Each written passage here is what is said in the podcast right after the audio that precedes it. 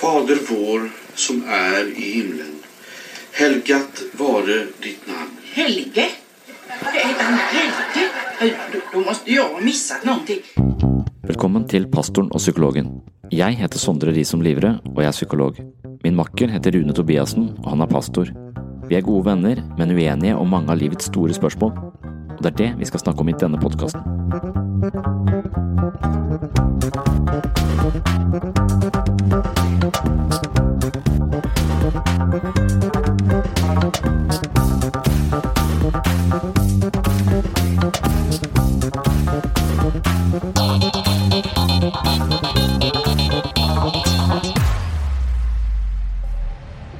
Celebrities know all about human cloning, even Joe Rogan. Here Joe jokes about human cloning in his early stand up comedy.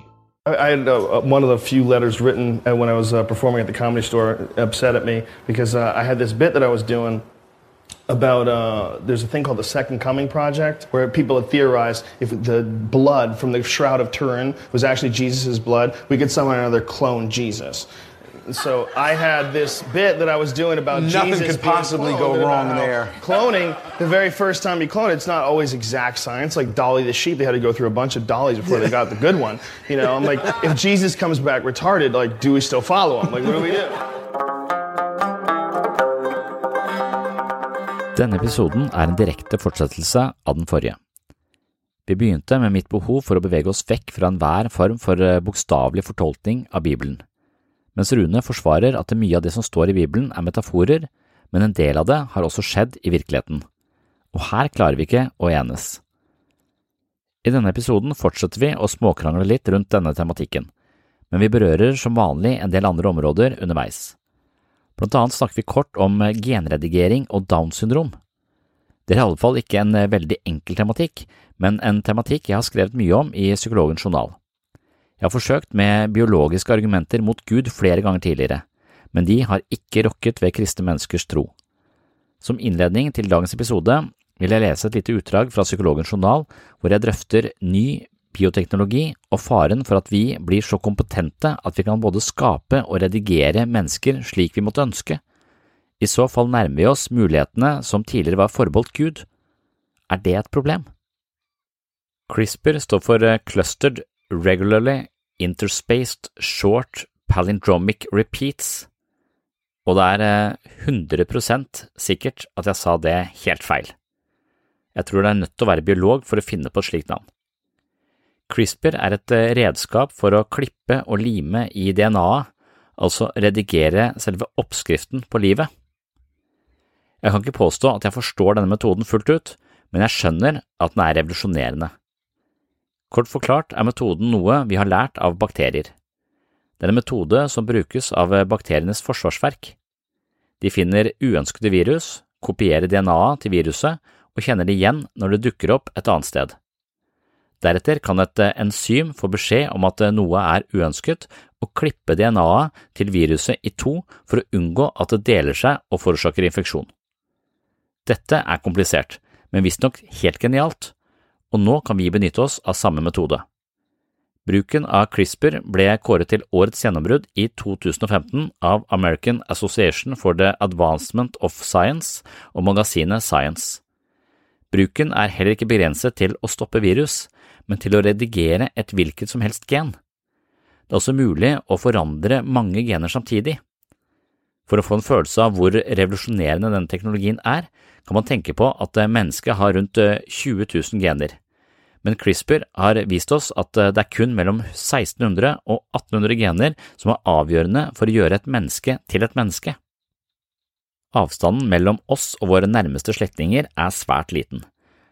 På gennivå er det noe sånn som 98% likhet mellom en spesiell ape sin gene og menneskegenet, noe som betyr at vi er fettere på et ganske nært nivå i stamtreet. På forskning.no skriver de at CRISPR er for genteknologien hva grenklipperen er for gartneren. Med CRISPR kan forskerne klippe ut gener og erstatte dem med andre. De kan for eksempel klippe ut ødelagte gener og lime inn de riktige. I nær fremtid ser man altså for seg at CRISPR kan bli viktig for å bekjempe sykdom hos mennesker som skyldes feil på arvestoff. Hvis ikke dette påvirker troen på Gud, så har man ikke forstått det. Ikke bare kan vi finne ut hva som gjør meg til meg og deg til deg, men vi kan endre på det på bestilling. Forbindelsen mellom biologi og religion har aldri vært tettere. Det er vanskelig å se hvordan Gud kan være involvert i enkeltmennesket fra vugge til grav, og samtidig akseptere at biologi spiller en så sentral rolle. Og her er det ikke bare snakk om abstrakt biologi, men om praktisk og oppskriftsmessig ting som faktisk fungerer. Det er ekte bioteknikk med uante konsekvenser. Så hva skjer nå? Vi kan se for oss to sannsynlige scenarioer. Konservative troende overser den delen av biologien som tilsynelatende beveger seg over på guddommelig terreng. De vil fortsette å argumentere mot alt som virker ugudelig, uten å innse at de ikke kan diktere en vitenskapelig disiplin basert på religiøse preferanser. Et annet alternativ er at de troende aksepterer alle fordelene med ny teknologi, det vil si at de takker ja til behandling av sykdommer, mer robuste og energirike avlinger, allergivennlige designdyr med eksotiske trekk og alt annet teknologien tilbyr. De aksepterer nyvinningene uten å stille spørsmål ved premissene for teknologien. På sikt kommer vi til å tenke annerledes både om biologi og religion. Forestillinger om spiritualitet og sjel trenger ikke å basere seg på ideer datert til en tid hvor vi ikke engang visste hva en celle var. Vårt moderne landskap er mye rikere, og vi har fremdeles mye å oppdage. De biologiske argumentene sender ikke akkurat sjokkbølger inn i de kristne menighetene, slik jeg kanskje hadde forestilt meg.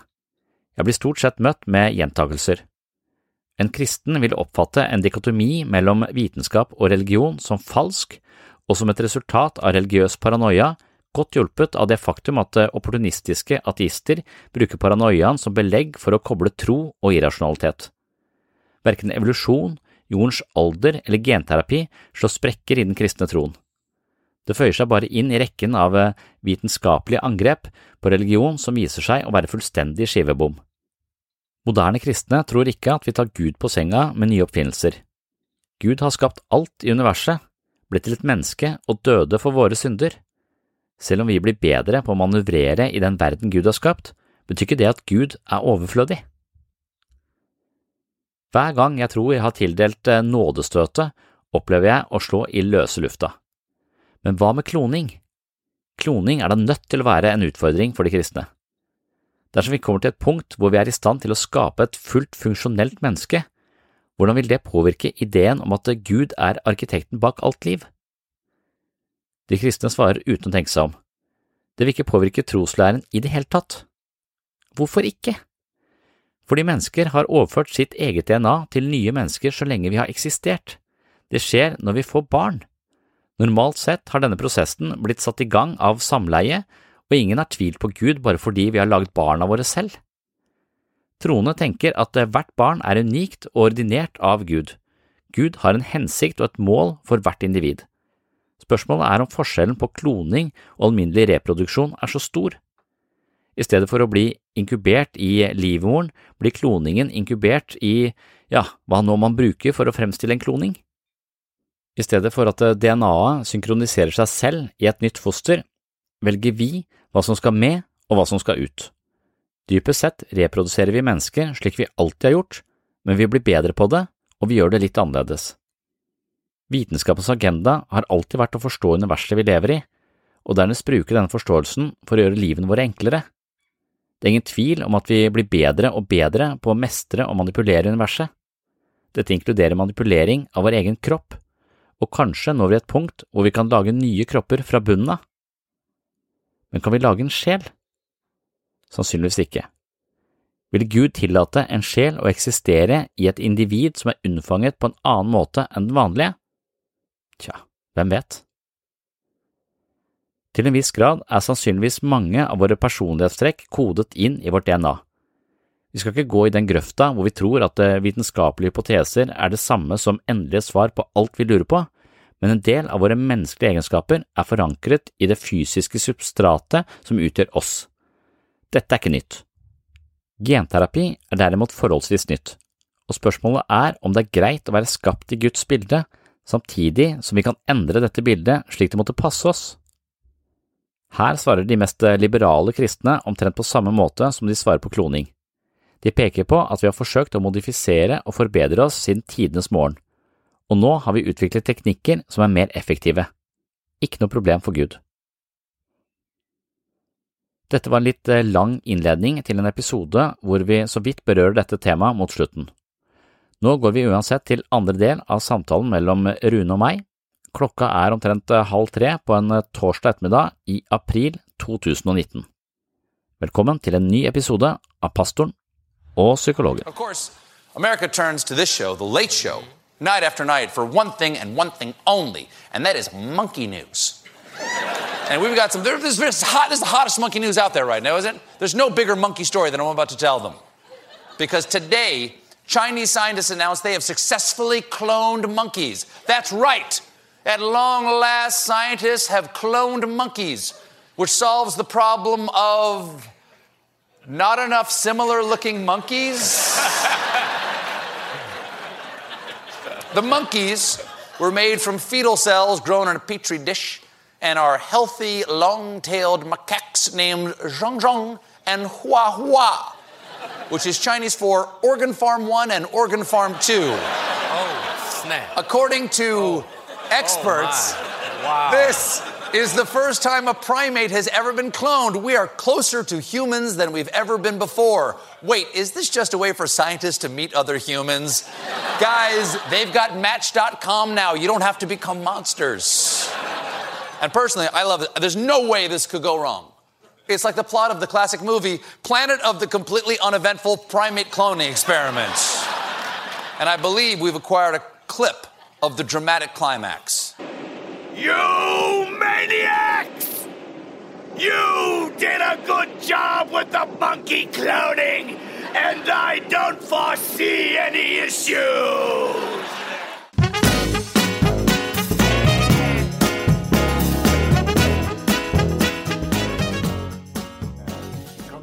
Husker du, det var en, en gang vi hadde en sånn bibelgruppe, og så, der vi snakket om før, men der var det en, en, en mann som hadde akkurat kommet inn i menigheten, på en måte, eller, eller bare var på besøk eller et eller annet, som hadde sånne historier om at han var så skuffet. Han har vært i mange menigheter, han var så skuffet, han hadde blitt lovet veldig mye, eh, og bedt veldig mye, og så hadde det ikke blitt innfridd. Eh, så han var direkte eh, på en måte eh, sur på de pastorene han hadde møtt tidligere, for det, det han hadde ønsket, det var ikke blitt inn, eh, eh, innfridd. Altså, Da snakker vi jo mer sånn herlighetsteologsammenhenger, sånn som du snakker om f.eks. med Visjon Norge. ikke sant? Det er jo sånn Ja. sammenhenger kommer fra. Ja, men kan du si at den, den, i det du sier at, eh, at uh, jomfrufødsel kan ha skjedd hvis han er, står utenfor tid og rom og kan intervenere og er nær og intervenerer, så kan han oppheve naturens lover og få ting som ikke, i utgangspunktet ikke kan skje, til å skje. Uh, og han kan Han har jo tross alt gjort det med utgangspunktet med hele universet. da. Hvis jeg tror at Gud fins, så har han jo gjort noe i utgangspunktet der. Jeg skjønner ikke hvorfor du syns det er så vanskelig med Nei. den lille ekstra biten der. Den lille ekstra Jo, den lille ekstra biten Du er så veldig opptatt av jomfrufødselen. Nei, men den lille ekstra biten setter oss inn i et univers som er helt annerledes enn det universet vi kjenner. Nei, ikke hvis du tenker at her er det sånn at det utenom-universet kom Det setter sammen på en måte med det jordiske. Så Det det blir konkret. at eh, fra et psykologisk perspektiv så tenker denne mannen, mannen på en måte som skader han. Eh, Han går rundt og er et offer for en gud som ikke hører han, for pastorer som ikke hører han. Han har en forventning om at livet hans skal bli bedre hvis han ber mer osv., men han gjør ikke det som egentlig skal til for å få livet Jeg hans kan ikke ta eh, ansvar for at folk lærer noe som ikke nødvendigvis Men, men du gir rom for hans forståelse av, av Bibelen. For du, du gir rom for at ja, ved å be og ved å, og, så, så kan uh, mirakler, uh, mirakler skje. Og, Jeg gir rom for at religion kan være sant. og Det betyr jo at jeg kan ikke stå ansvarlig for alt som skjer i religionens navn og hele verden. nei, nei, men, men i denne, Men dette, konkrete, det. dette konkrete tilfellet, så er den måten du Det at du eh, lever i et univers som, hvor, hvor ting eh, eh, Mirakler kan skje, Ja. og, og, og, og skjer eh, når som helst. Det gir eh, på en måte et passivt håp til mennesker som burde gjort noe helt annet for å få livet sitt på, eh, på rett kjøl, istedenfor å gå rundt og bli skuffa over å ikke bli hørt, og kanskje tenke at det jeg blir sett ned på. Eller, nå tror jeg du baserer det på bakgrunn av noen av de samtalene du har hatt med de menneskene som er skadelidende.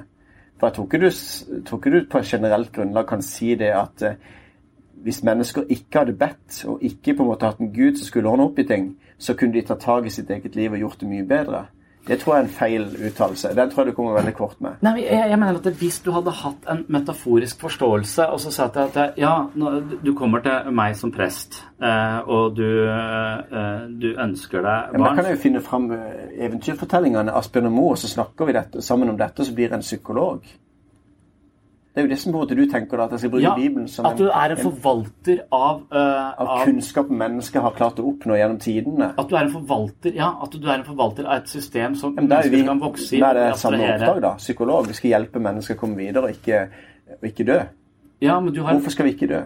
du har en åndelig overbygning på, uh, på, på det du har, men du forholder deg ikke du forholder deg til disse, du bruker disse fortellingene som kan fungere som veiledere for mennesker. De er guddommelige fortellinger med veiledningspotensial.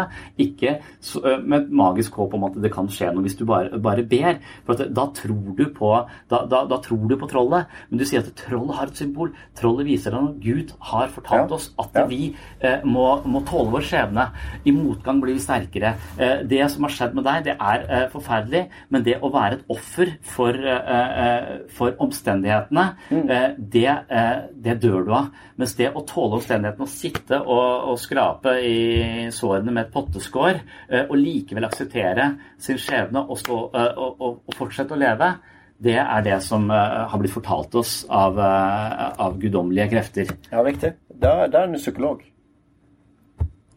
Det er forskjell på, på altså, For det kan du gjøre. Du kan bruke Bibelen du også til å fortelle folk hvordan de kan Du kan bruke historien der. Ja. Så egentlig så kan du altså, Hva er forskjellen på det, da? Men for, Nei, jeg tror ikke det, det, er sånn jeg tenker at buddhismen har det i mye større grad. At de bruker, bruker det åndelige systemet som en slags potensiale for vekst. Her er ikke du skal komme og få noen svar. Eh, Her er det Det er noe der komme også. og, og få ja, ja, men- Reinkarnasjon og karma, at rettferdigheten ja, er ute i verden. la oss si at det, og- de, de mest liberale eh, teologene, eh, teologene innenfor de fleste store visdomstradisjonene snakker ikke på den måten. De, de presenterer ingen svar, men mange eh, eh, måter å undre seg på som kan føre deg i riktig retning og kanskje nærmere en, eh, en ultimat sannhet, eller en, eh, nærmere, en, nærmere sannheten. Aldri til sannheten nødvendigvis. Kanskje Buddha var absolutt helt på. Kanskje Jesus var så tett på som et menneske kan bli. Men at dette er, dette er veivisere som kan løfte deg i, i, i livet ditt. Og ikke, med, en gang du sier at det, det er sånn og det er sånn, og Gud, det står der at to mennesker ikke skal leve sånn, og det står der at de skal leve sånn, så har du fått masse, masse svar. Du har bare parkert. Men, men jeg, tror, Um, jeg tror vi må legge vekk de der konkrete etiske tingene, for du henger deg veldig opp i det. Skjønner, jeg, eller jeg skjønner at du vil gå tilbake til det hele tida, men vi må først gå vekk da litt, og så se litt på om, om det er troverdig at Gud står bak. For at du har jo også da en oppfatning av at det finnes en kunnskap der ute i verden som vi skal forvalte. Vi, vi, vi kan utvikle oss til noe bedre, men, men er det nødvendigvis noe bedre vi utvikler oss til? Det snakker vi litt om i stad disse tingene at, at hvor, Hvorfor skjer den utviklingen? da? Hvorfor får vi den utviklingen som menneskehet osv.? Jeg kommer alltid tilbake til det, men, men, men hvis, hvis, det er sånn at du egentlig sitter her med sannheten og tenker at det er At det er uh, uh, med det egentlig har samme oppdrag, at de skal hjelpe folk til å overleve, så må jeg stille spørsmålet hvorfor skal folk overleve? Hva er det som måte er meninga? Og det er da jeg ser at f.eks. religioner, eller f.eks. kristen tro, da, um, hjelper jo folk til å få en mening med livet som gjør at de faktisk takler en hverdag som kan være tøff. Mhm. Tenk bare på de millionene av menneskene som ikke det handler bare om å, å ta seg sammen og begynne å tenke at du skal ha positive tanker eller eh, folk måte komme videre, Ja, ja. men som faktisk får perspektiv på ting og ser at dette er ikke alt. Um, Ja, jeg forstår aldri den innvendingen. Eh, eh, jeg har hele tiden sagt at, eh, at et, et åndelig perspektiv på livet må tilpasses det mentale nivået de menneskene er på. Og jeg vil si at han mannen som, som var skuffa over de tidligere menighetene som ikke hadde innfridd det han ville, han var for meg på et, på et åndelig veldig lavt nivå. Eh, og jeg tenker at det, å snakke han på det nivået er din jobb. Men det også, også tilbyr han en mye mer abstrakt uh, forståelse av dette, som han kan uh, jobbe seg inn i. Blir litt skuffa over at det ikke er helt sånn som han tenkte, men likevel sett oi, her er det uh, et, et, hav av kunnskap Men jeg kan det du, hva skal føre de fram til? Altså det er det jeg lurer på. Hvor, den som er på et lavt nivå, den som er på høyt nivå. Ja, vi skal kunne er der tilpasse vi, vi skiller oss veldig godt. Og vi skal Jeg føre de fram til. jeg vil ikke noe sted. Nei. Jeg vil Men hvorfor skal du føre de fram, da? Hvorfor kan de ikke bare ta livet av seg? Jo, nei, jeg tenkte det, er- vi, Det er bare, det er bare, det er bare unødvendig. Altså på en måte Hvis de måte opptar ressurser i samfunnet og egentlig ikke har forstått noen ting, ja, på en måte lavt, lavt nivå eller et eller annet sånt, kan vi ikke bare ta kvitte oss med dem da? Hva er poenget med hvor er, hvor, Hvorfor skal du føre de videre? Hvor er det videre? Hva er målet? eh, Målet er eh, at vi skal ha det bedre. Det er liksom sånn Ja, hvorfor hvor, hvor, hvorfor, spiser du, hvorfor spiser du ikke bare bark eh, når du kunne overlevd på det? Og hvorfor spiser du eh, kjøttkaker i brun saus? Fordi kjøttkaker i brun saus smaker bedre. De gir en bedre følelse. Potensialet Jeg tenker at det, det, det Så det er om å gjøre å ha best, mest mulig lykke eller Nei, følelse ikke mest mulig, eller, Nei? mulig lykke, kanskje mest mulig ulykke. Jeg tror at ulykke har dårlig rykte, eller negativ følelse og dårlig rykte. Jeg tror at det også, det også erfare livet, spille på flere strenger, mer ulykke, mer lykke, altså orke å føle mer, orke å forstå mer, det er vekst og utvikling. Og det gir meningsfulle livsspill i den tiden vi har tildelt. Så hvorfor skal du ha eh, Hvorfor skal du leve et meningsfullt liv når du har fått eh, 80 år å leve på? For det, det gjør deg til et bedre medmenneske. eh, Ja, det er bedre enn å ikke ha det. Ja, jeg skjønner dermed, og dermed så er et system som gir meg masse Det er sånn og sånn og sånn, lev sånn og sånn og sånn. Det er eh, Det avstumper det prosjektet jeg ønsker, og som jeg mener mennesket har potensial til å, å bevege seg. For dette med en gang du tror det er noen svar, du skal fram til et sted. Jeg tenker vi skal ingen steder. Vi skal bare bevege eh, oss. Kanskje, kanskje jeg blir en litt bedre person der. Kanskje jeg har litt mer medfølelse. Kanskje litt mer varme med de som er rundt meg. Kanskje jeg er litt ja, men er det en evaluering etterpå, da? Eller er det bare sånn at eh, du opplevde den lille tida du levde, så opplevde du, opplevde du det bedre? Ja, og jeg kanskje Eller er det noen står evaluering etterpå? Når vi er ferdig, så er det på en måte en evaluering. Du får karakteren seks av ti. Du fikk et veldig dårlig utgangspunkt, men du klarte Ja. å jobbe deg oppover. Og det, er- derfor så får du litt ekstra kred, sånn at du kommer opp på en karakter ni. Nei, det, det, det også tro at man skal gjøre dette for å få en evaluering eh, eh, på, på slutten, er helt fremmed tanke. Eh, Men du evaluerer alt, alt, alt annet i livet. evaluerer du. Jeg- Kjøttkakene, barken, det evaluerer du. Du evaluerer det til bedre Ja, jeg eller ikke. eval, eval, Men evaluerer selve livet det skal ikke evalueres. evaluerer det selv. Jeg tenker at min oppgave kan være Jeg tenker at religion har potensial til å være et meningsfullt metaspill så lenge det ikke spiller med ludoregler, for ludo blir vi lei av. Så, så hvis vi klarer å skape et åndelig system som gir folk mulighetene vekst, vekst bort fra sånne konkrete ideer om at ja, når jeg ikke, pastoren kan gi meg det eller ikke bedt nok, så, så får jeg det ikke eh, som jeg vil, og hva er han imot meg? Altså, all det, all det, det, Nå var du på disse som har blitt skadelidende. ja, men, det ja, men de, de, de, det. Mm. det, det spillet der sånn, eller det, det spillet som får Det, det, det, det, det, det stagnerer men- det potensialet som Så et metaspill handler om eh, vitenskap er metaspill, Ja. religion er metaspill, Ja. kunst er metaspill. Det handler om bevegelse, det handler om å være kreativ, det handler om å skape noe, det handler om å, uh, om, om å kultivere sitt indre liv, kontra det å bare få noe mer, be noe mer, eller bli, leve så godt at jeg blir evaluert. Og bli evaluert etterpå gjør livet om til et objektspill. Du skal bare leve for å bli du evaluert av en eller annen. Hæ? Du fremstiller det når du sier det, så fremstiller du det ene som veldig sånn fint og ja, flott, du kan utvikle det, og så videre, og så har du gjerne som mener sånn og sånn, og så snakker du på en måte som Nei, religion nei, nå misforstår du, Rune. Jeg mener at det, verden styrt av kapitalisme er full av destruktive objektspill som gjør at vi hele tiden føler oss i underskudd og prøver å karre til oss noe mer, så vi blir egoistiske og egosentriske. Og det er det dårligste livet har å tilby. Og det å be for å komme og bli evaluert, eller leve godt for å bli evaluert der framme, det gjør religion om til et objektspill. At objektspill gir Muligens forskning viser at objektspill gir ikke mennesket den beste mulige livskvaliteten tilgjengelig, men et metaspill som ikke har noe sånn absolutte det er ikke, Du kommer ikke i mål noe sted.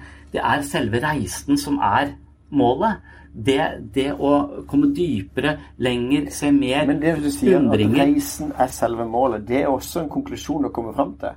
At det er ikke målet, men det er reisen som er målet. Og det er jo også et mål. Ja, men Jeg jeg, skjønner ikke at du ikke ser den. Ja, men jeg, jeg, jeg mener at det er dårlig, bedre og dårligere måter å leve på. Jeg mener at det, Ja, men- det å leve som heroinist Hvordan kan du si det at noe er bedre enn noe annet?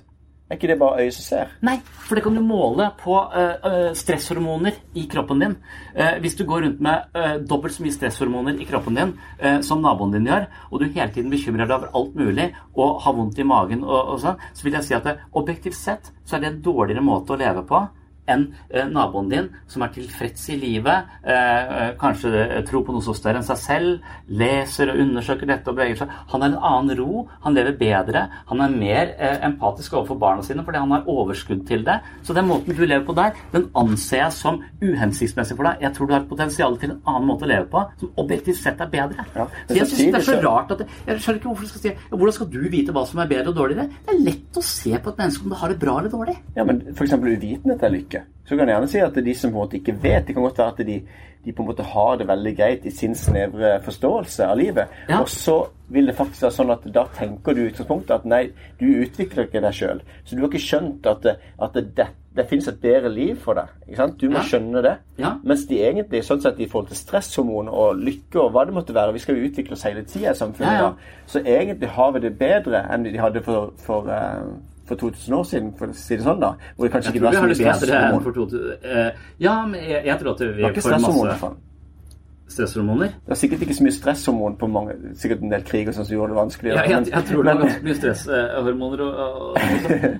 Nei, men jeg, det, det, vi har en eh, eh, jeg, jeg tror at det, det å Altså, små barn de elsker å undersøke verden. De elsker å leke med den, undersøke hvor de er hen. Og denne, denne drivkraften der til å undersøke og manipulere verden og hoppe på den og sykle på den, det, det er, det er liksom livsnerven.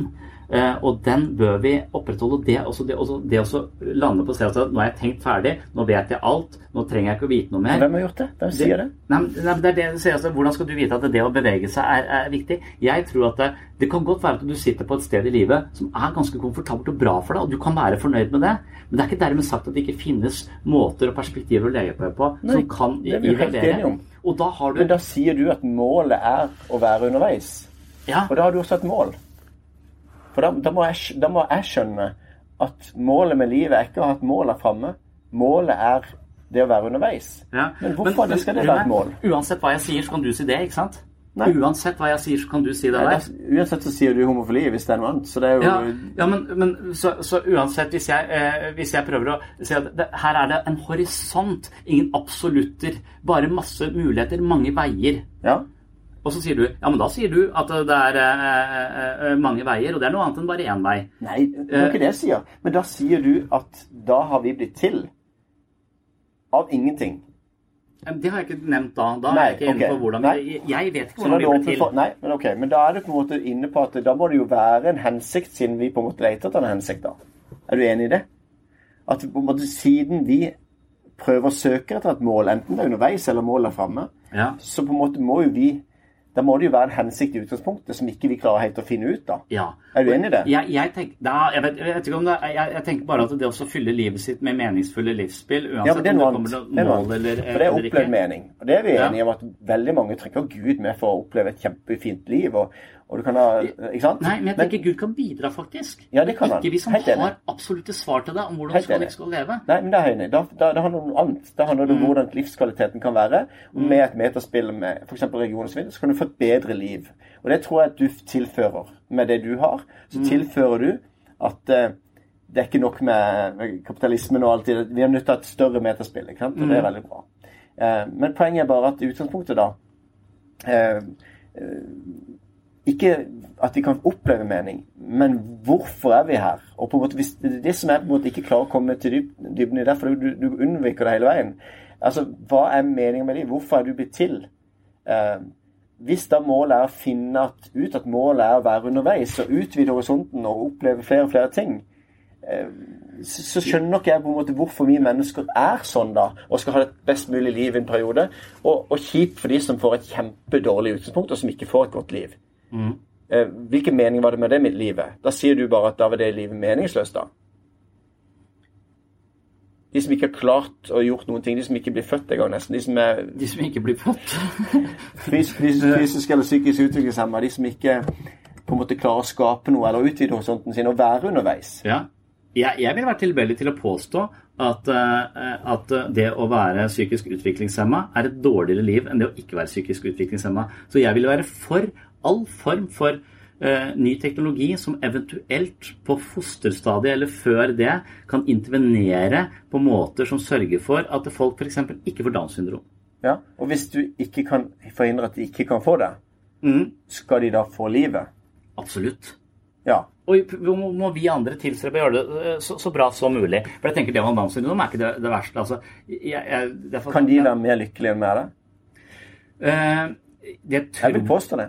Nei, ja, det, det, Da tror jeg ikke du har vært tett nok på dem. Hvis du har jobba i en, hvis du har jobbet med de med Downs syndrom, så ser du at de kan være veldig glade, men de mater oss også ekstremt. Jeg vet det. mye. Jeg vet det. Eh, eh, så eh, Og det, Poenget er på en måte mer å si at hvem er det som definerer hva som er et verdig liv å leve eller ikke. ikke sant? Ja. For du kan heller ikke se det på innsida på alle andre mennesker som, som Ikke sant? Nei. Men nå er det Men jeg vil si at eh, hvis du sier ja, men er det det å ha Downs syndrom er en sykdom Ja, det er en sykdom du dør av. Du dør mye tidligere enn det eh, de uten Det var bra å høre fra deg at du det, sier at, eh, at eh, det skal vi, de skal jo få lov til å leve. Ikke sant? Ja, selvfølgelig.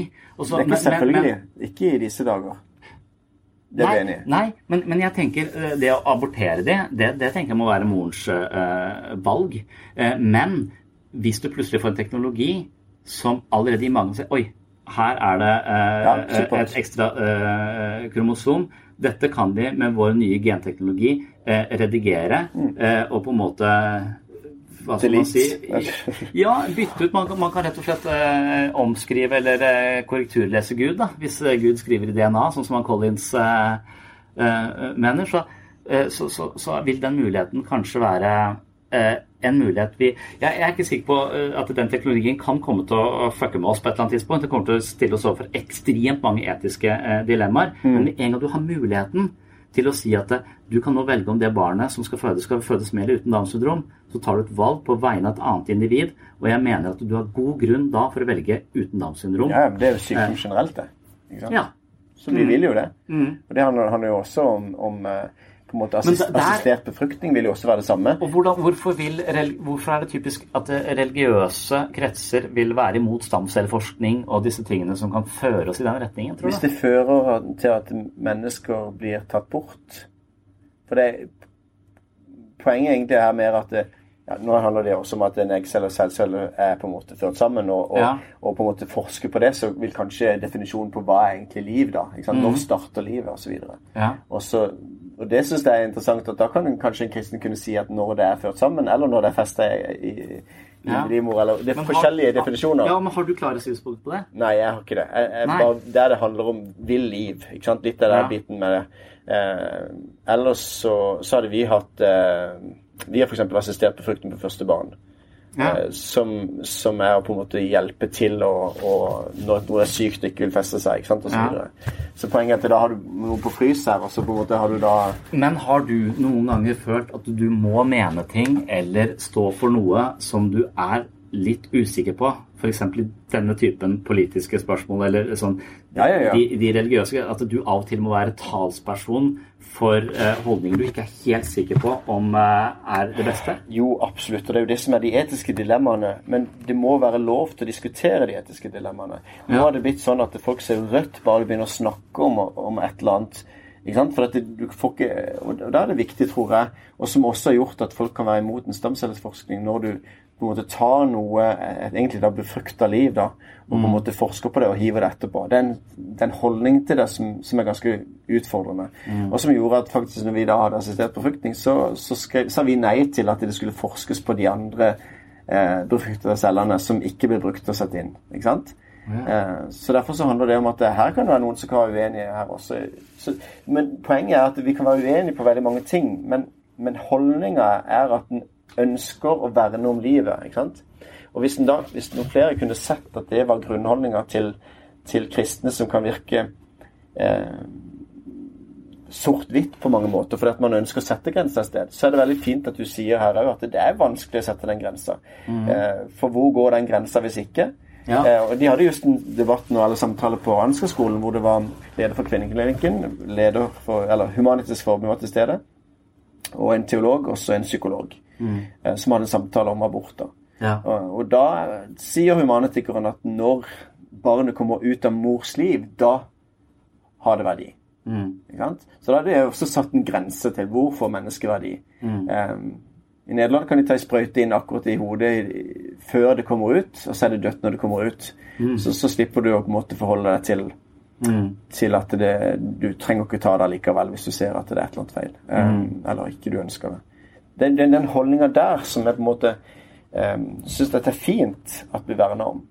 Og ikke Det ikke, ikke, den holdninga at du kan drepe barn når de kommer ut av Ja, morgen. Det er ikke den holdningen. nei, nei, det var ikke den. Men sånn som du sier, jeg det var veldig fint det du sa med, med, med Downs syndrom, på en måte. At det, vi vil jo at de skal få like rettigheter til å leve osv. Vi skal legge best mulig rett til rette for at de skal kunne ha gode liv. Ja. Men hvis, selvfølgelig, hvis man kan gjøre noe med en sykdom, Ja. så må man kunne gjøre noe Men jeg, har, jeg har vært i mange diskusjoner hvor folk mener at typiske religiøse kretser, hvor folk mener det motsatte der. At de, de syns den holdningen jeg har til det, er ganske eh, De, de syns det er skremmende.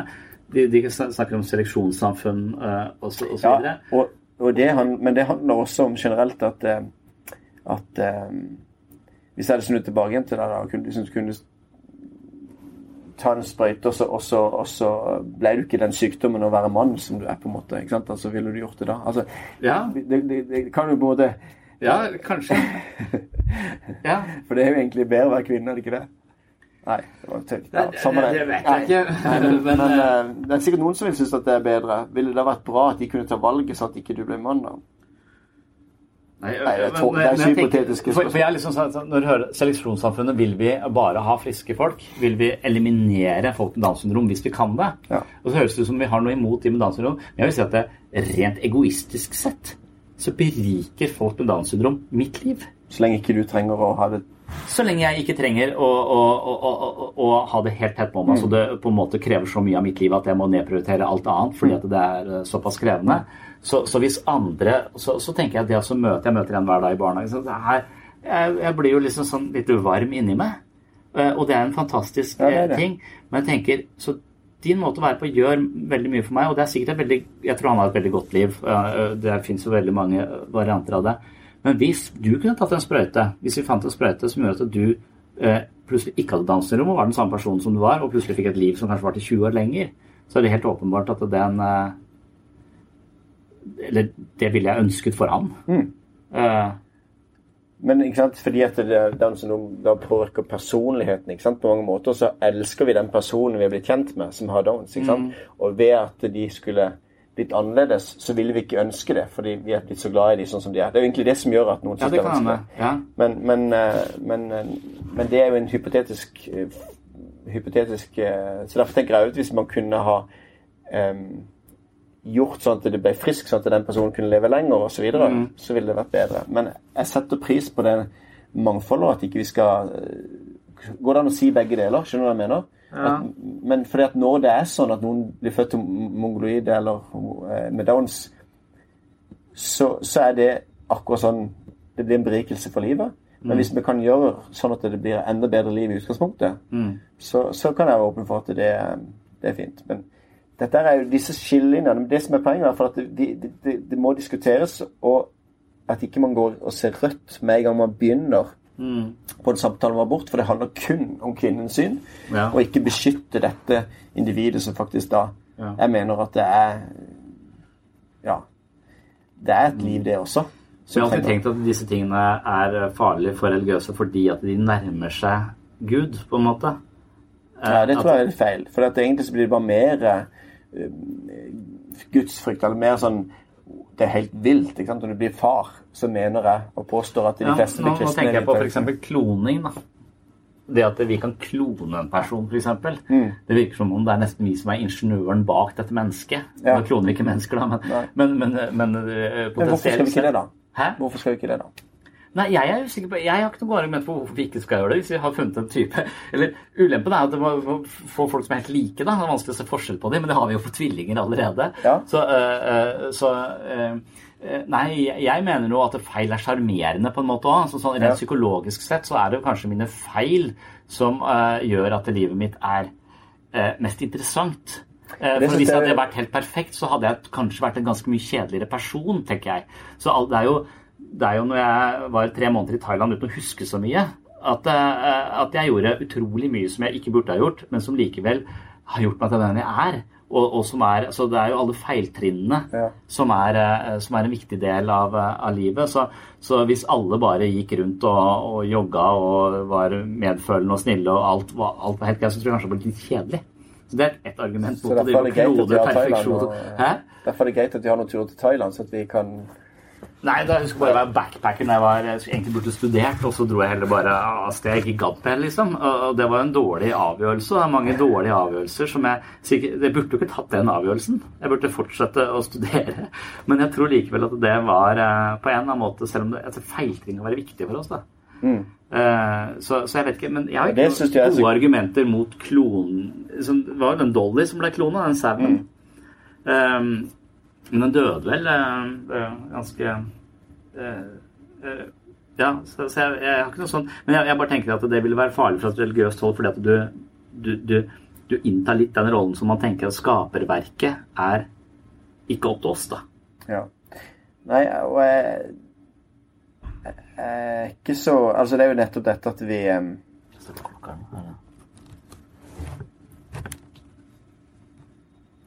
«1458».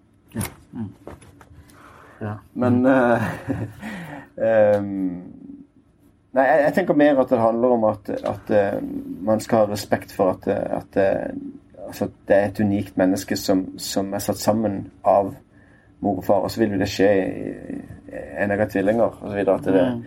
Så, så jeg tror ikke Gud går inn og så på en måte sier at nå, nå ville jeg at dette mennesket skulle bli født, og da kan vi ikke få ett til. ikke sant? Det er jo på en måte satt i gang en reproduksjon som, som, som går sin gang. Men det er bare det er, Jeg syns det er veldig fint å tenke på at eh, ethvert menneske er uendelig verdifullt. Og denne reisen på en måte å være underveis for å kunne utfordre og, og utfordre seg og vokse som menneske det, det kan også godt være at det er en sånn vestlig måte å se livet på. Hvor det på en måte er kanskje totalt meningsløse liv som, uh, som finnes rundt om i verden. Uh, fordi at ikke de ja, Kanskje de er født inn i forferdelige forhold og opplever at de på en måte ikke har noen mulighet for å utvikle seg i det hele tatt. Ikke sant? De er i, i mørket og kommer aldri til å se lyset. Um, så så skjønner jeg at det er reisen underveis som skal på en måte være selve målet. Da Da tror jeg, da vil jeg heller kunne fortelle at det, jeg tror ikke det var ment å være sånn. Jeg tror ja, de er elsket, de er verdifulle, de, vi trenger å ta vare på dem, vi trenger å bry oss om dem. Og så finnes det en rettferdighet. Ikke i karma, som at det vil skje hvis du gjør noe galt, så vil det komme tilbake igjen til det rett etterpå. Jeg tror ikke rettferdigheten finnes i universet, men jeg tror, jeg tror rettferdigheten at det finnes en, en som er rettferdig, som, som står bak alt. da. Og Det syns jeg er utrolig fint å kunne formidle til de som som, eh, som ikke har så i utgangspunktet flotte liv som, som vi har tilgang på.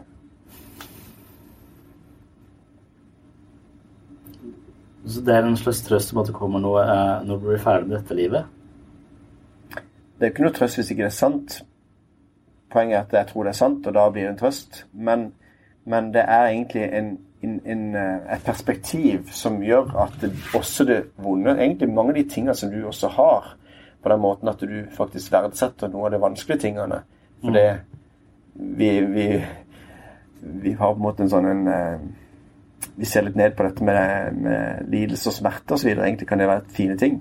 Mm. Og det vil jeg jo absolutt si. Mm. Eh, For jeg tror ikke meningen med livet er lykke og, og mest mulig glede. Nei. Men jeg tror meningen med livet er å, å ja, Det er mye lettere å forstå smerten og lidelsen når en har et evighets- evighetsperspektiv.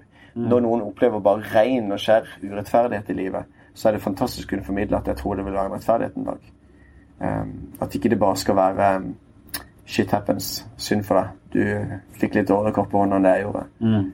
Um, Ja, det, er- det er noe dritt med, med reinkarnasjon og, og sånn i den forstand at, eh, at du blir eh, utestengt pga. medfødte skavanker, eventuelt, og at de Mm. forstår det som din egen feil, da, eh, Ja. som, som er ulempen. eller at du er født i laveste kast, eller kastløs, Ja, ikke sant, mm. så. Så, det, der er vi jo ganske enige at det er et dårlig system.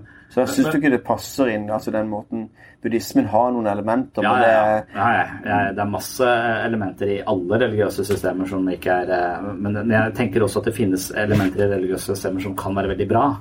Eh, og at de er på Jeg ser på religion på samme måte som jeg ser på alle andre egenskaper ved mennesket. Eh, og jeg er villig til å se på åndelighet som en slags egen utviklingslinje. Sånn at jeg ser at vi kan eh, Jeg, jeg, jeg kan gjøre ting jeg sagt, jeg, Michael Jordan er guddommelig god i basketball. Men han kanskje, og, og Hitler var kognitivt veldig høyt oppe, men var moralsk veldig lavt nede. Så at det finnes eh, så vi har en slags psykograf med veldig mange forskjellige egenskaper og elementer som vi har mer eller mindre godt utvikla. Så da får du den der onde geniet som er veldig smart, men veldig moralsk. Så vi har emosjonell intelligens, vi har kognitiv intelligens, vi har sosial intelligens, vi har kinestetisk intelligens. eh, eh, Men det finnes også kanskje en slags åndelig intelligens. Eh, Så, så at åndelighet er noe som vi også kan utvikle på samme måte som vi kan ved, ved fotball. Og det å være så middelmodig i fotball, det, da du, spiller du ofte fotball fordi det er et godt samhold i laget, f.eks. Det, er det er de sosiale aspektene. Men, men hvis du virkelig spiller eh, sjakk eh, på Magnus Carlsen-nivå, så er dette noe som virkelig tilfredsstiller deg, fordi at du har perfeksjonert denne, denne utviklingslinja eh, eh, på en sånn måte at du blir åndelig Det åpner seg rom i dette spillet som ikke er der for noen av oss andre, for vi er ikke så høyt oppe, vi er ikke opplyste eh, på, på samme måte. At, det, at det er muligheter, at det er også en slags meningsbærende ting i livet vårt. At vi kan se på disse linjene og komme høy, mer eller mindre høyt opp på dem. Og da, da kan du si at ja, hvis du er født i forferdelige kår, så er det uh, umulig. Men det kan nok kanskje være linjer her som likevel er tilgjengelige uh, uh, for deg, men vanskeligere tilgjengelig, selvfølgelig. Og det er der jeg mener at du også kan bli Det er en sånn fader Thomas Keating. Har du hørt det navnet? Mm. Mystic Heart. Eh, eh, eh, det var et sånt intervju med han jeg så en gang. og tenkte at det, dette er det mest fantastiske spirituelle mennesket jeg har sett. Han er vel katolikk. Eh, eh, og så alt det han eh, eh, sier, forstår jeg nesten, men nesten ikke. Eh, og så hørte jeg på det gang på gang på gang. på gang. Jeg fortsatt ikke forstått men det. var sånn at det bevegde meg i en annen retning. Det tok meg eh, videre. Det ga meg en sånn annen, eh, annen ro. Og han ga meg ingen svar, eller noe sånt, men jeg tenker at det, å, han har en spirituell høy intelligens, tenkte jeg. Ja.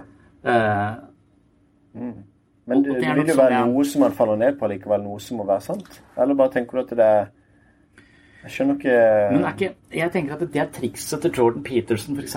Altså, jeg tror ikke han er noe guddommelig, men eh, for han tror jeg er sånn Kanskje er sånn Han tror at noe er sant. Ja, men han nekter å svare på det. Uh, han sier eh, som sagt, ja, 'Tror du Gud fins?' Det, det, det, det vil han jo ikke svare på. det. Så han unnviker alltid spørsmålet.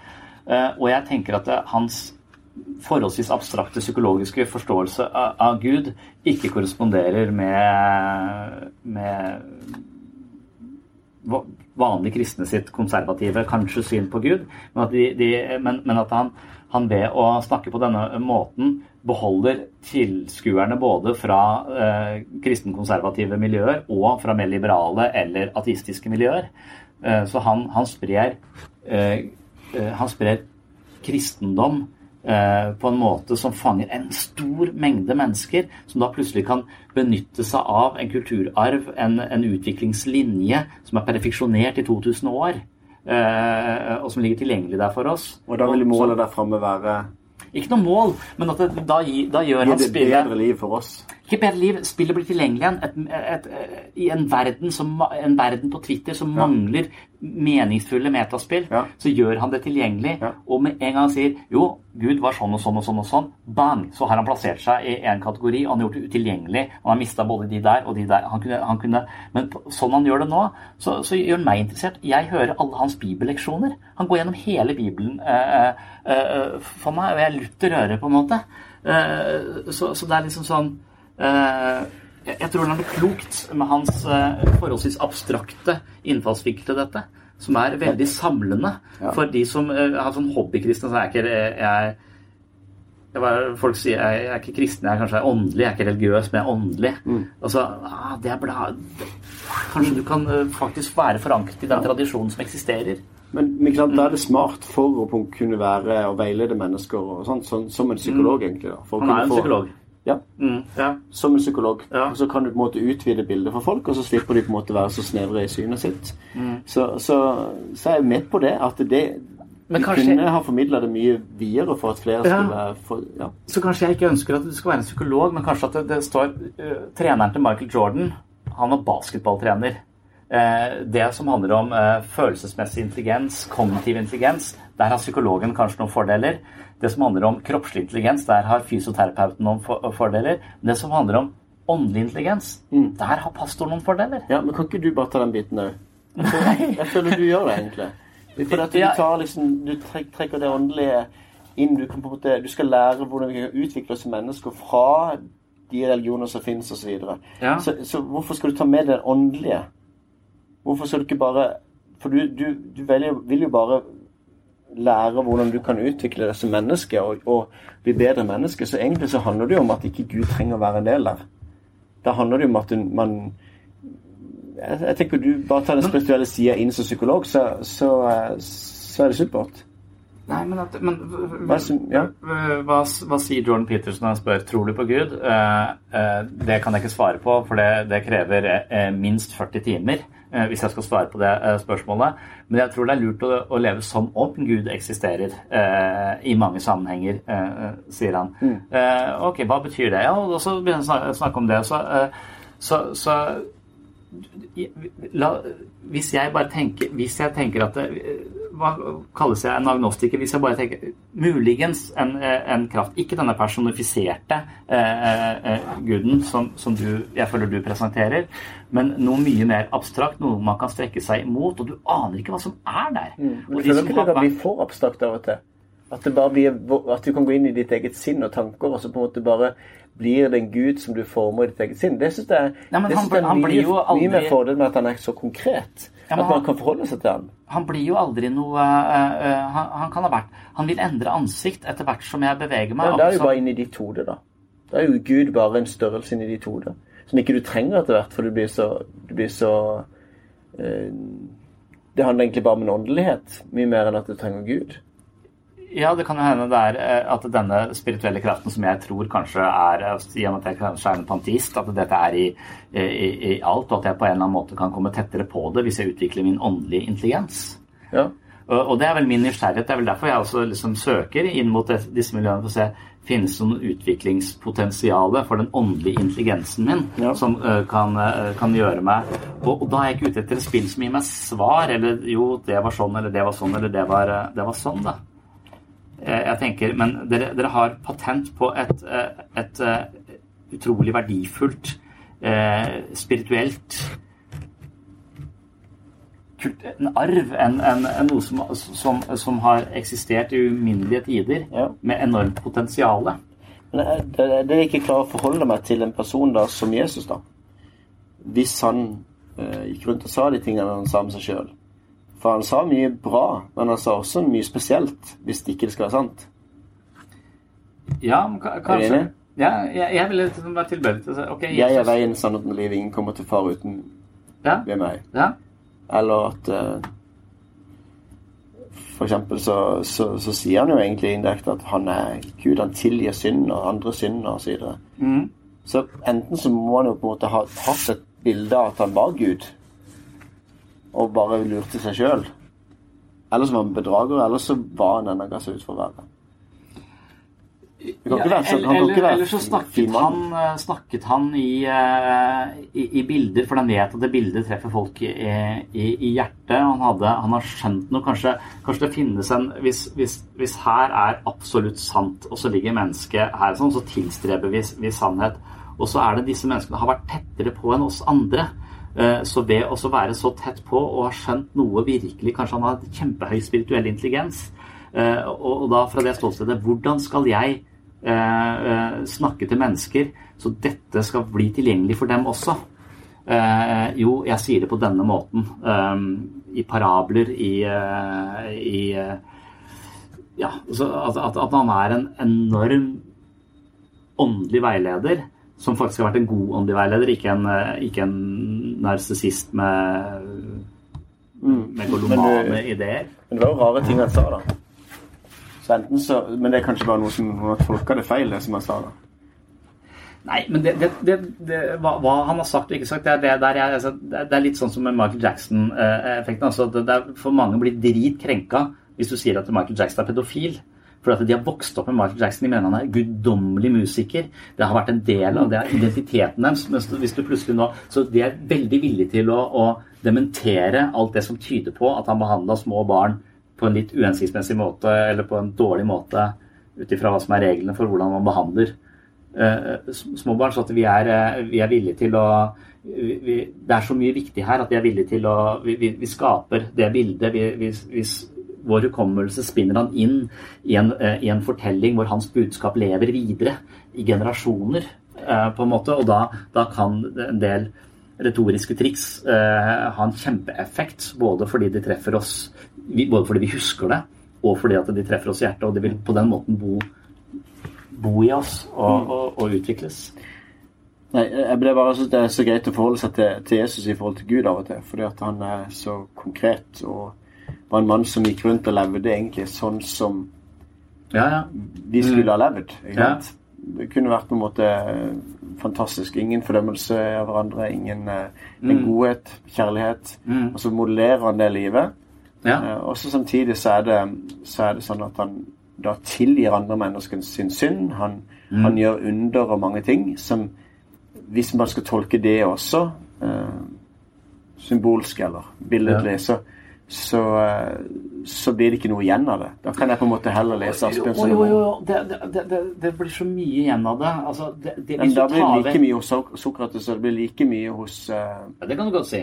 Det er Ja. jeg enig i, at det er like mye i- hos, hos mange andre. Ja. Men, men uh, den uh, ha, står ikke like stor særstilling som, eh, som det Jesus har gjort. Så han er tilgjengelig eh, i- i- på en annen måte. Han, eh, det er steder hvor du kan komme og høre om han eh, rundt om i, i hele verden.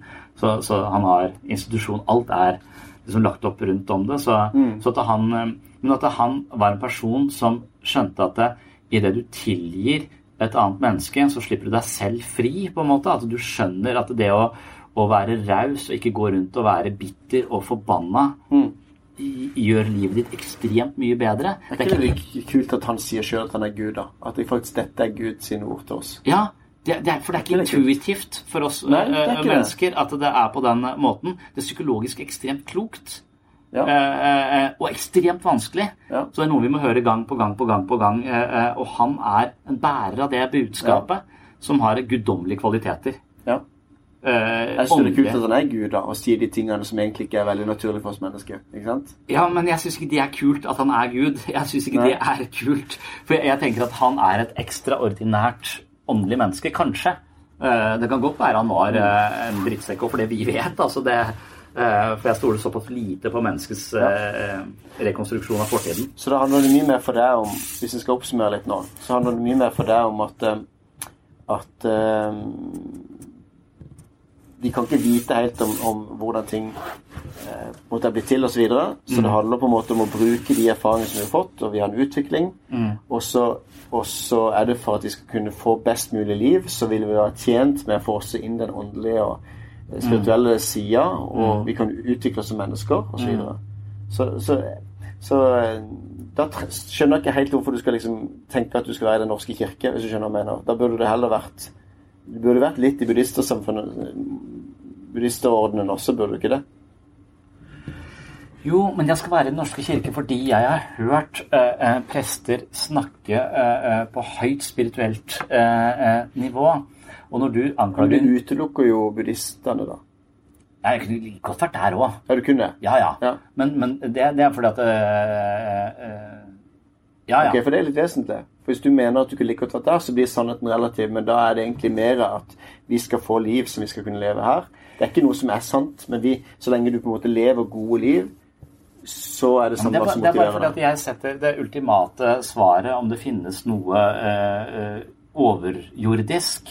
eh, øh, øh, der forholder jeg meg agnostisk til det. Og så tenker jeg at alle har fortalt historier om dette og har en følelse av noe større enn seg selv. Ja. og at det kommer til uttrykk på mange måter. Det er mange veier dit. Eh, Og jeg tror aldri vi kommer dit, men jeg tror det er mange veier å gå. De veiene bør være tilgjengelige for oss. Og Derfor så ønsker jeg at kristendom skal være en vei, for jeg tror det er en, eh, en, en, en fin vei å gå. Men så tenker jeg at når du gjør alt det du gjør, så grunnen til Du kan si at det, ja, nyateistene, Dawkins og sånn, men Dawkins angriper nettopp den lille guden. Hvis du hadde snakket på et eh, Jordan Peterson eller eh, sånn som han fader Keating eh, snakker om Gud, så har ikke Dawkins noe han skulle ha sagt. Han har ingen motargumenter mot, eh, eh, mot det, det ståstedet. Og han hadde bare ikke skjønt det. Han hadde ikke forstått det- For han skjønner den guden du snakker om. Han skjønner den guden som Han har ikke skjønt den guden heller. Nei, ok, men altså, jeg, jeg er- mener det er mer den guden han skjønner. Det er skjønner. stråmannen hans som han har skjønt. Han har skjønt sin egen forståelse av den guden. Ja, men jeg syns at det, den guden du setter opp av og til, er litt sånn Blir en stråmann? Eller blir litt Det er fordi at vi mennesker er, det er jo det du har jo sagt veldig greit, egentlig, at, eh, at vi menneskers forståelse av Gud kan være noe annet enn hvem Gud er. Ja. Så det vil si at det, selvfølgelig så, så, så eh, vil gammeltestamentlig forståelse av hvordan Gud er, være annerledes. Men jeg tror jo også samtidig at Gud da griper inn på det nivået som vi er, som jeg sa, prøvde å si litt sist gang vi Ja. sammen. Og det er da det klikker for Dawkins, ikke sant? Det er akkurat der det klikker for Dawkins, for da sier han at ok, så det fins en trollmann som eh, annullerer universets lover til fordel for, eh, for folk, folk som ber. Og, og, og da tar han da tar han deg for det. Da sier du at Gud er empirisk. Gud er etterrettelig i den fysiske virkeligheten.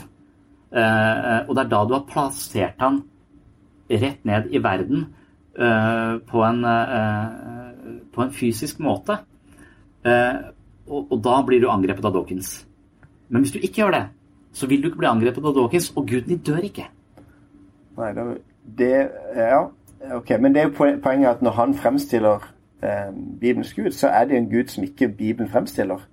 Men det er eh, Hva skal jeg si for noe? Han, han er f.eks. en blodtørstig Gud, f.eks. Ja, ja, ja. Det er jo en av de tingene som han er Ja, Men det er ikke så vanskelig å få det Gud hvis du, hvis du leser bokstavelig det, det gamle testamentet. Nei, men da leses det jo en historiebok fra hvordan et folk Ja, nettopp. Ja, ja, ja. Ja. Så, men ikke sant? Da tror jeg det er historiebok. ikke sant? Mm. Ja, ja, ja. Hvordan Gud forholder seg til dette folket, ønsker å ha fellesskap med dem. De, de skjønner ingenting. De kanskje ikke er på den planeten, så han må prøve den planeten. Mm. Men poenget er at de, de, de venner seg til Gud og fra Gud osv. Så, videre. så Så mange av de tingene som skjer når Gud tar seg av de, vil egentlig være de samme tingene som skjer nå, bare på et litt høyt, høyere nivå. At vi mennesker kanskje er på et litt høyere nivå, men vi er likevel like avvisende til Gud. Og, ikke sant? Så det er, det er ganske mye likt. Så jeg kan lære mye av hvordan Israelsfolket forholder seg til, Israel, til sin Gud, og som, som jeg kan gjøre til samme Gud i dag. Men, men selvfølgelig så har det skjedd en utvikling av mennesket. Eh, men, men det handler jo om at, eh, at jeg tror ikke det var sånn at Gud ville at de tingene skulle skje, uh, som det skjedde i Gamle testamentet. Uh, men Gud vil fred. Sant? Men for å få fred så må han kanskje stoppe de som går imot han, eller stoppe de mennesker som gjør onde ting. Er det ondt at Gud straffer det onde? Det er egentlig et sånn grunnleggende spørsmål i det ondes problem. Er det, er det, jeg tror det er godt at Gud kan stoppe det onde, da. Men, så, for, for, men, men jeg, jeg mener at, at Dawkins har gode argumenter når han nettopp skyter på den guden som jeg mener er den personifiserte guden som mange tror på. Det er mange som tror på den guden som Dawkins øh, øh, angriper, tror jeg. Det er i hvert fall min erfaring. Og jeg syns av og til at du også fremsetter nettopp den guden som er lett angripelig. fra, fra det konkrete, konkrete ståstedet. Uh, og, og når Gud har skapt uh, mennesket i sitt bilde og sånn Dawkins sin barnebok, den har jeg. Har du den? Nei. Men barneboka hans det handler jo om det er opptatt av evolusjon. Så, så det er en sånn der eh, Dette er tippoldefaren din. Dette er tipp-tippoldefaren din. Dette er tipp-tippoldefaren din. Og så skal du bla tilbake til din tippoldefar 185 millioner tipp-tipper oppå oldefaren. Og så dette dette er da din tipp-tipp-tipp millioner oldefar, og det er en fisk. Eh, For det skal liksom lære barn om utvikling og, og det at det, det første mennesket på jorda Det har aldri vært et første menneske på jorda. Eh, eh, Det har bare vært varianter av ulike typer mennesker mm. uh, Ja. på, på jorda. Og det ville du tenke er det, det tror du på. Dawkins sin barnebok. Ja, det motsatte er jo å tenke at det bare alt dette har vært. Og så er det også en veldig uforståelig opphavsmyte. Evolusjonen, naturalistisk evolusjon er jo en veldig Du skal virkelig stor tro for å tenke at det skjedde bare av seg sjøl. Så det er jo det som egentlig er clouet her. at det, Uansett om du tenker at det mennesket ble skapt for 6000 år siden, eller du tenker at det var en evolusjon som det ble skapt gjennom, Mm. så må det være noe som står bak. Og det er jo det som er mitt poeng. Det er ditt poeng, men, men du, vil, du, vil, du vil anerkjenne at, at, at seleksjon og at naturen kaster 20 terninger og tar vare på sekserne, og så kaster Ja, ja, på nytt. Så, ja, så, så det, Det er ikke noe problem å anerkjenne. Men poenget er at når man har forstått Bibelen konkret og bokstavelig på noen punkter, ikke sant? Så, så, så skjønner jeg at noen da tenker at de, de må forkaste også hvordan Bibelen tenker om rett og galt. Fordi, hvis de forkaster at Bibelen sier seks dager. Men, Ja. men det er jo ganske forskjell på hvordan ting er beskrevet når det er til og med to skapelsesberetninger i begynnelsen der som på en måte motsier hverandre. og det, det er symbolbruk. For det, det er ikke sånn at du må spise livets tre. Hvis ikke du spiser, så glemmer du det, så dør du. Altså, det, det er jo symbolsk. Mm. Men det er veldig forskjell på det når det er en historisk fremstilling av Abraham og hvem hans sønner til, ikke sant? Og, som er opphavet til både araberne og, Mm. og jødene. Og, og da tenker jeg at det, det er det, som gjør at jeg klarer ikke å si at alt bare er metaforisk tolkning av Bibelen, eller at det bare er menneskets ord om Gud. Men jeg tror at Gud har kommunisert med mennesket. Og så er det også menneskets ord. Jeg tror det er 100% menneskeord og 100% Guds ord på den måten at, at det er mennesket som har skrevet. Det er ikke noe sånn automatskrift at Bibelen kommer ned akkurat sånn ville Gud at det skulle være. Men det er mennesker som har blitt inspirert av Gud, og som har blitt møtt Gud og på en måte sett Gud, og som har fått et budskap inn i den situasjonen som han var. Og så er det skrevet ned. Og så er det faktisk Gud som har snakka og samtalt med mennesket. Gud har liksom kobla seg sammen med mennesket. Og så gjør han det, det ultimate da med, med, med at Gud blir menneske. Blir kjøtt og blod og, og, og blir en del av oss og viser hvordan eh, han ønsker fellesskap med oss, og hvordan livet skulle leves. Og at eh, tilgivelse og kjærlighet er det mest grunnleggende i dette universet. da. Og, og det synes jeg, syns jeg det er fint at Gud er konkret. ikke sant? Noe som du egentlig har lyst til å abstrahere. men... Alt det der du var, sa nå, er jeg på en måte kunne jeg liksom nikke liksom halvveis anerkjenne til. Oi, kult. Nei, nei Bortsett fra at det, når du sier at det, eh, Gud blir eh, konkret, gjør seg gjeldende. Han gjør seg gjeldende eh, at eh, det, det finnes en, en vei, eh, en måte å ikke være egoistisk på, godhet osv., som gjør både ditt og mitt og alle andre sitt liv eh, mye bedre. Prososiale følelser skaper samhold mellom mennesker. Ja, men Er det ikke noen som ser på det, da? At oi, ser gøy, og se at de faktisk blir sosiale, da? Og å, nå er det skjedd en utvikling. Nei, Jeg tror vi ser det selv. Jeg, jeg tror at vi er selvbevisste. Vi kan se oss, vårt eget sinn. og i den... øh, så Derfor så tror jeg når vi spiser fra kunnskapens tre og blir selvbevisste, så ser vi oss selv utenfra. Og da tror vi også at noen andre ser oss selv utenfra. Så, så Gud er egentlig bare en inkarnasjon av vår egen selvbevissthet, på en måte. Men, men den guden du da snakker om, denne guden som er den konkrete Så, så alt det du sa, kunne jeg liksom skrive under på, uh, men jeg, hadde, jeg, jeg ser det på det som øh, ja, så metaforisk sant. Jeg ser det som, som Jeg tror kanskje det finnes nesten sånn universelt sant. Noe av disse tingene er, er, er universelt sanne. Og om de da har et større opphav uh, utenfor, det er jeg bare da litt sånn uh, synes jeg, ja. Jeg synes det er spennende å tenke på det fra Ja. mange forskjellige Ja. vinkler. Og jo Ja. flere vinkler jeg får, vi kanskje det kommer litt gang? nærmere. Tenke Ja. litt på akkurat det, og ikke gå så ned på konkrete. Men, men hvordan den Gud må eventuelt være, da. Ja. For det, det der jeg har lyst, litt lyst og så føler jeg at jeg måtte alltid få imot det der hvordan det var med homofilt samliv eller Gamle testamentet eller et eller annet sånt. Ja, men er hvis, at- ja. men hvis vi kan få lov til å tenke filosofisk, da Fins Mm. Gud Er det er det gode argumenter for at det må være en, noe utenfor dette universet? Um, hvorfor er vi til og ikke Altså, Jeg syns det har vært litt gøy å bruke litt tid på. Mm. Og ikke Ja. Nå må vi hente i barnehagen. Lykke til. I am an A. I am an A-T. I am an A-T-H-E-I-S-T. And I have N-O-T-H-I-N-G to give me hope and certainty. And when I D-I-E, I will be A-L-O-N-E. Hey! Takk for at du hører på Pastoren og psykologen. Takk til dere som har gitt podkasten tilbakemeldinger i iTunes. Takk til alle dere som har anbefalt podkasten til venner og bekjente. Og takk til alle dere som har tenkt til å gjøre noen av de tingene jeg nå nevnte i nærmeste fremtid. Neste episode kommer forhåpentligvis om et par uker, og jeg håper at vi finner noen eh, nye veier vi kan utforske. Planen er egentlig å invitere en eh, gjest, men jeg kan ikke love noe akkurat nå. Før vi avslutter dagens episode, synes jeg det hadde vært gøy å bruke noen få minutter på en oppsummering av hele bibelhistorien. Det er ikke sikkert at alle som hører på er like bevandra i bibelhistorien, inkludert meg selv, og dermed er det på sin plass med en liten oppsummering. Jeg er usikker på om Rune vil være like fornøyd med dette, men nå er det jeg som har redigerings- og utgivelsesansvar, og i den anledning tar jeg meg visse friheter. Her kommer en fantastisk oppsummering av historien om Gud og Jesus på under to minutter, så hold deg fast.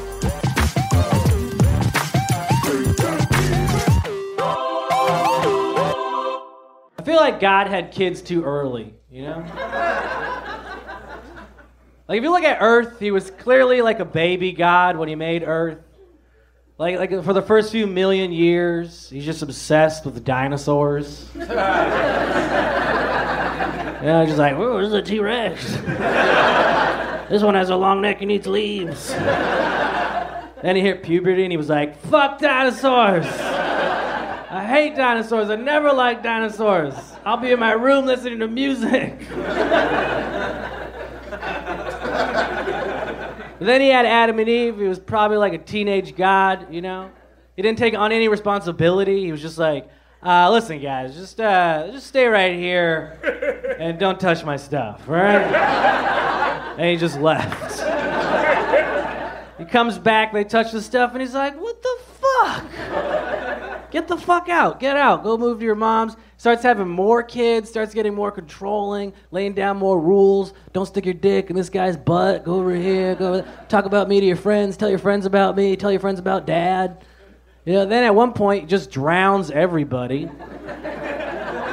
It's like the number one worst thing you could do as a parent. Like, they give you your baby at the hospital, like, first off, don't drown it. You know, he drowns everyone then tries to make up for it by making us a rainbow. He's just like, sorry, Dad won't do it again. we cool now? Then he has his favorite kid. Not supposed to have favorite kids, has them anyway. Then he sends them down to earth, but Jesus is kind of a dick, as most favorite kids are, right? Because Jesus comes down to earth and he's like, hey, I'm God's son. And they're like, aren't we all God's children? He's like, I'm God's real son. you guys are adopted. They're like, what? And he's like, yeah, God said you're not doing it right. You gotta do like this, you gotta be like me, you gotta do that, you gotta be like better. And they're like, well, who the hell do you think you are? He's like, I'm also God. And they're like, no. His number one rule is only one God. He's like, well, I'm God too. So they murdered him according to God's own rules. And then God came back and he was like, what the fuck? And then he never talked to us again walked out on us, never came back. Now the whole world has abandonment issues because half the world's like, there is no God, he's dead. And the rest of the world's like, he's coming back, he'll be back.